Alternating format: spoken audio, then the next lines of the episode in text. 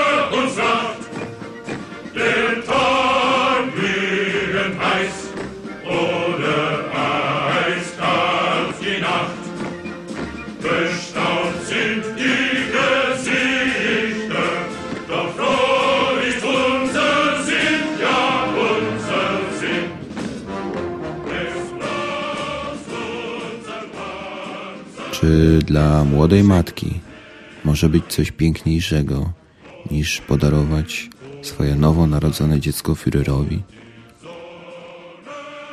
Zapraszam na bar Karola.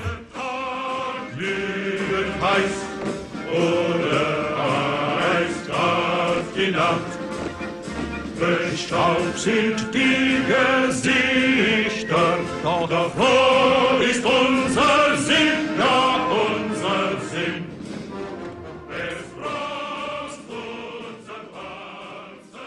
żadnym innym uprzemysłowionym kraju nie było po I wojnie światowej tak dużej dysproporcji między ilością kobiet i mężczyzn. Dwumilionowa przewaga kobiet sprawiała, że ilość narodzin w Niemczech drastycznie spadła. Wprawdzie do 1933 roku różnica ta się wyrównała, jednak kraj potrzebował nowych obywateli.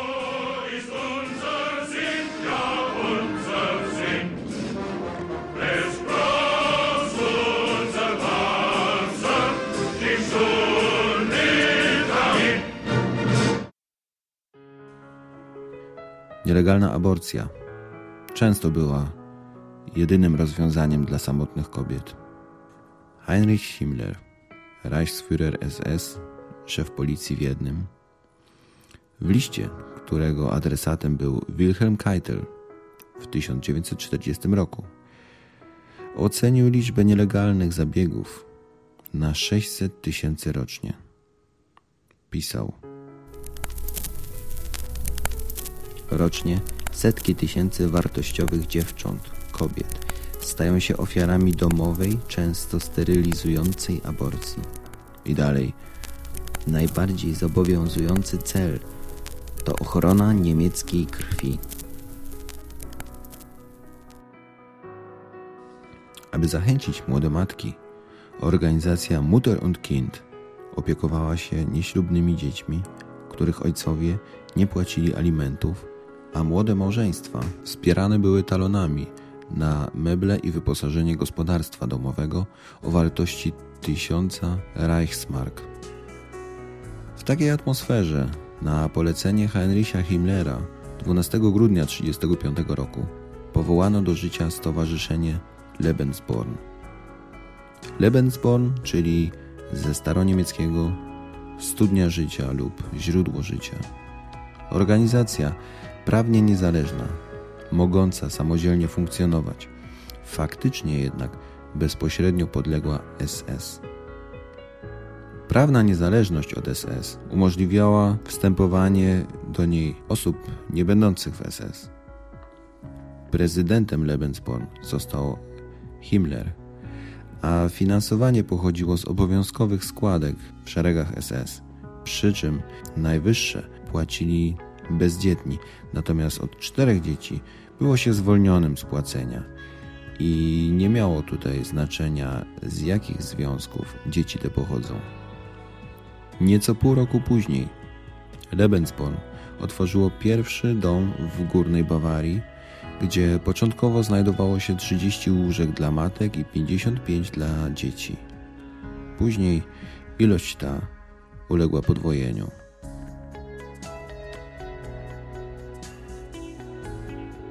Czym różnił się Lebensborn od innych organizacji świadczących opiekę samotnym matkom?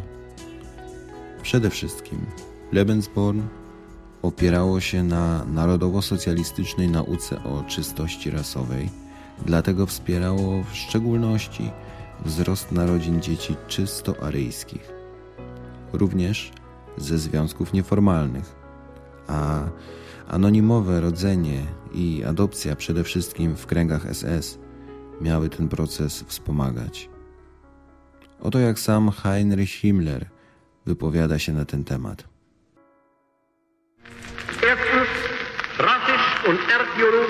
Po pierwsze, wsparcie dla rasowo i genetycznie wartościowych rodzin.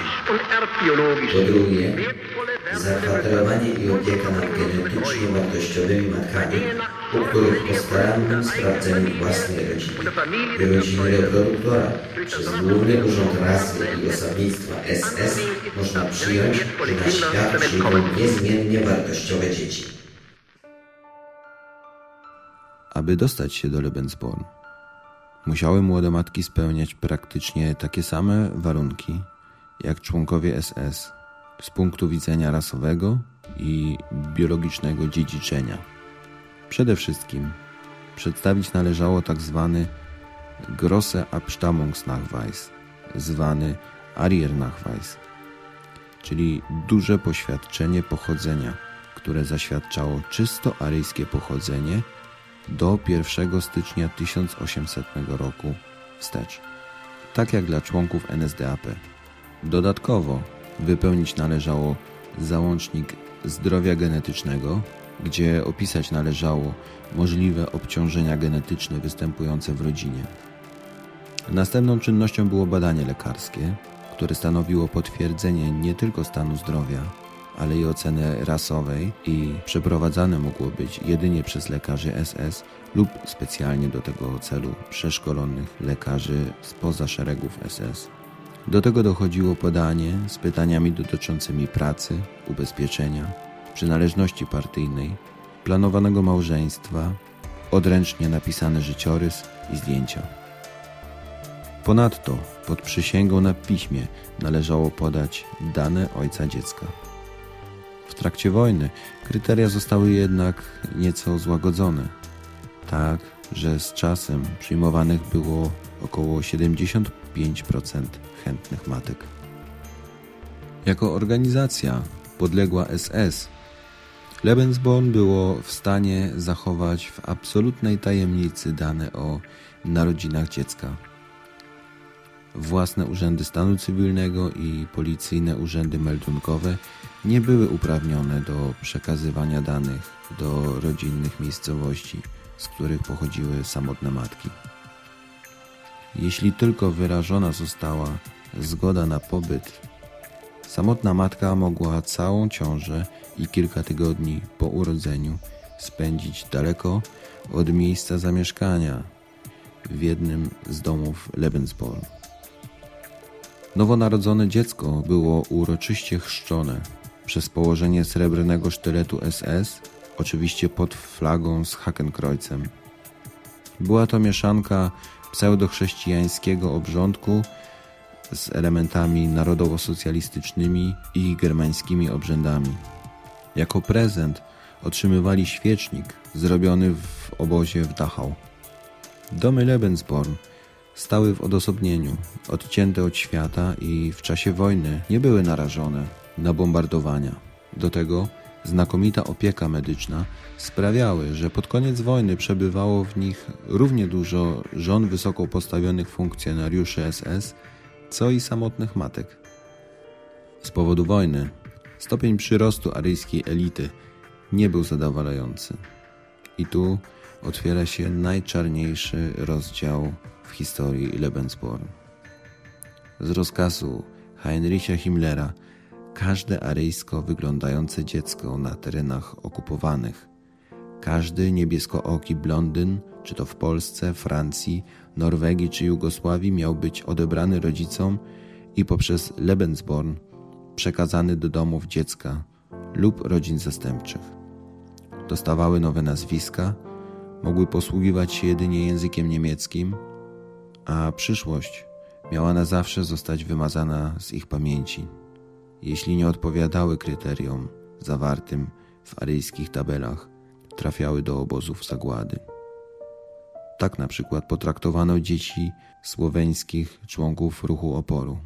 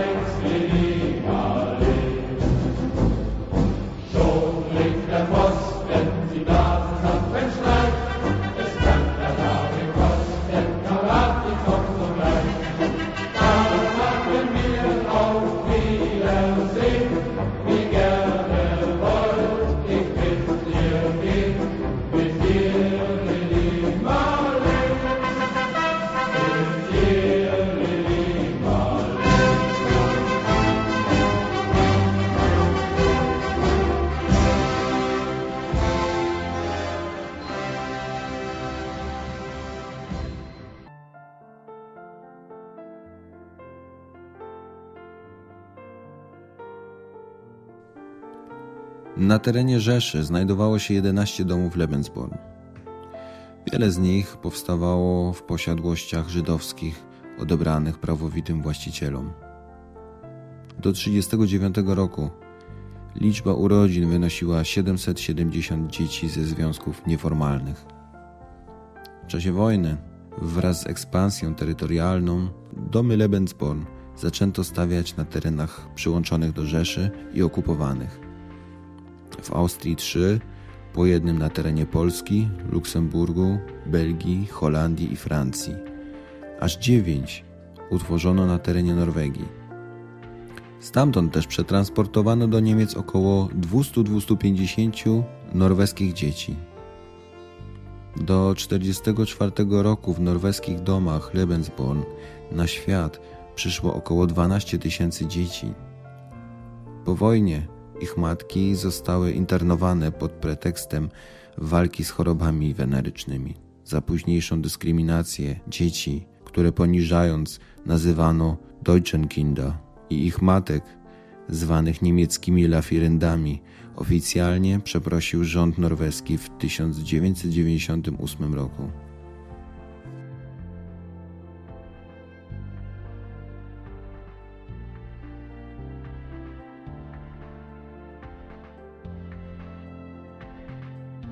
Projekt Lebensborn zakończył się tam, gdzie się rozpoczął. W pierwszym z otwartych domów Hochland w miejscowości Steinhörich. Kiedy amerykańska armia niebezpiecznie się zbliżyła, spalono wszystkie dokumenty, a dzieci, które tutaj wcześniej ewakuowano z innych domów, pozostawiono same sobie. W procesach norymberskich w 1947 i 1948 roku 14 oskarżonych funkcjonariuszy SS, w tym czterech aktywnych członków Lebensborn. W punktach oskarżenia dotyczących ich pracy w ramach Lebensborn zostali uniewinnieni. Ich aktywna rola w uprowadzeniu i przymusowej adopcji około 250 wschodnioeuropejskich dzieci, jak również likwidacja dzieci upośledzonych, wykryta została dopiero później.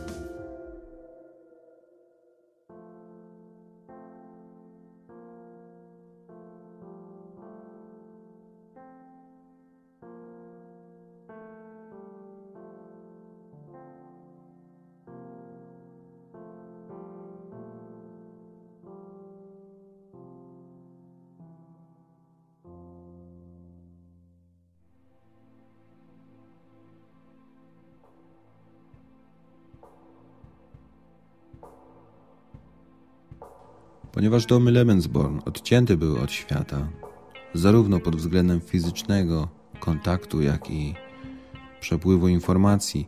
Dlatego wokół Lebensborn narosło wiele mitów, nawet już przed wojną. Przez wiele osób były one widziane jako miejsca szerzenia rozwiązłości, pornografii, przymusowego parowania.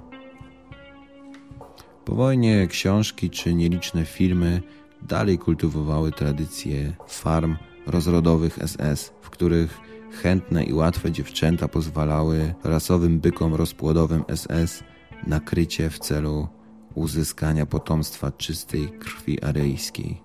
Był to pogląd błędny i krzywdzący, mimo tego, że nawet na żonatych członków SS kładziony był przez jakiś czas nacisk, aby dzielili się własnym materiałem genetycznym przy każdej nadarzającej się okazji. Jednak oficjalny rozkaz Heinricha Himmlera w tej sprawie spotkał się z dezaprobatą w szeregach SS i Reichsführer musiał się z niego wycofać.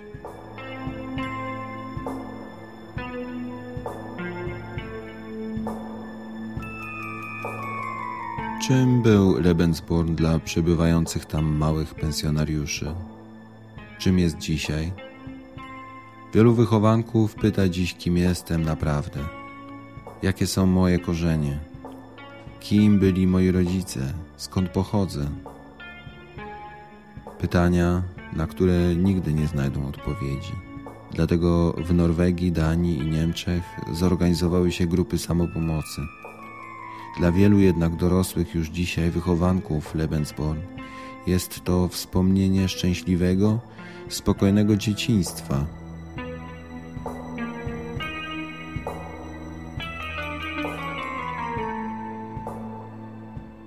Kuriozalna może się wydawać wypowiedź Helgi Karau, wychowującej się wśród wielu dobrych wujków w czarnych mundurach, dla której wojna kojarzyła się z dobrobytem, poczuciem bezpieczeństwa, ciszą i spokojem, a słowo pokój przez długi czas kojarzone było z ruinami, zniszczeniami, biedą i głodem. Wypaczony obraz świata widzianego oczami dziecka do tego stopnia, że nawet dzisiaj widok swastyki czy emblematów SS powodują szybsze bicie serca, przywołując ciepłe i miłe wspomnienia.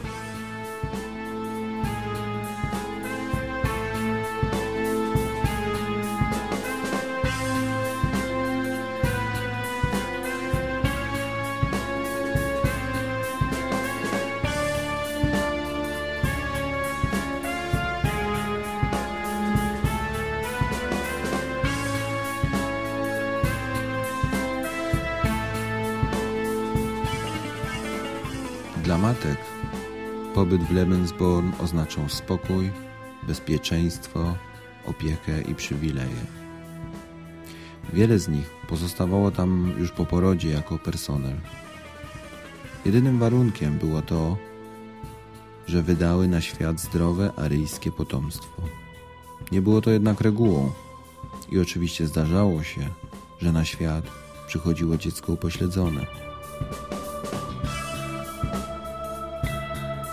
Co oznaczało to dla matki i dziecka.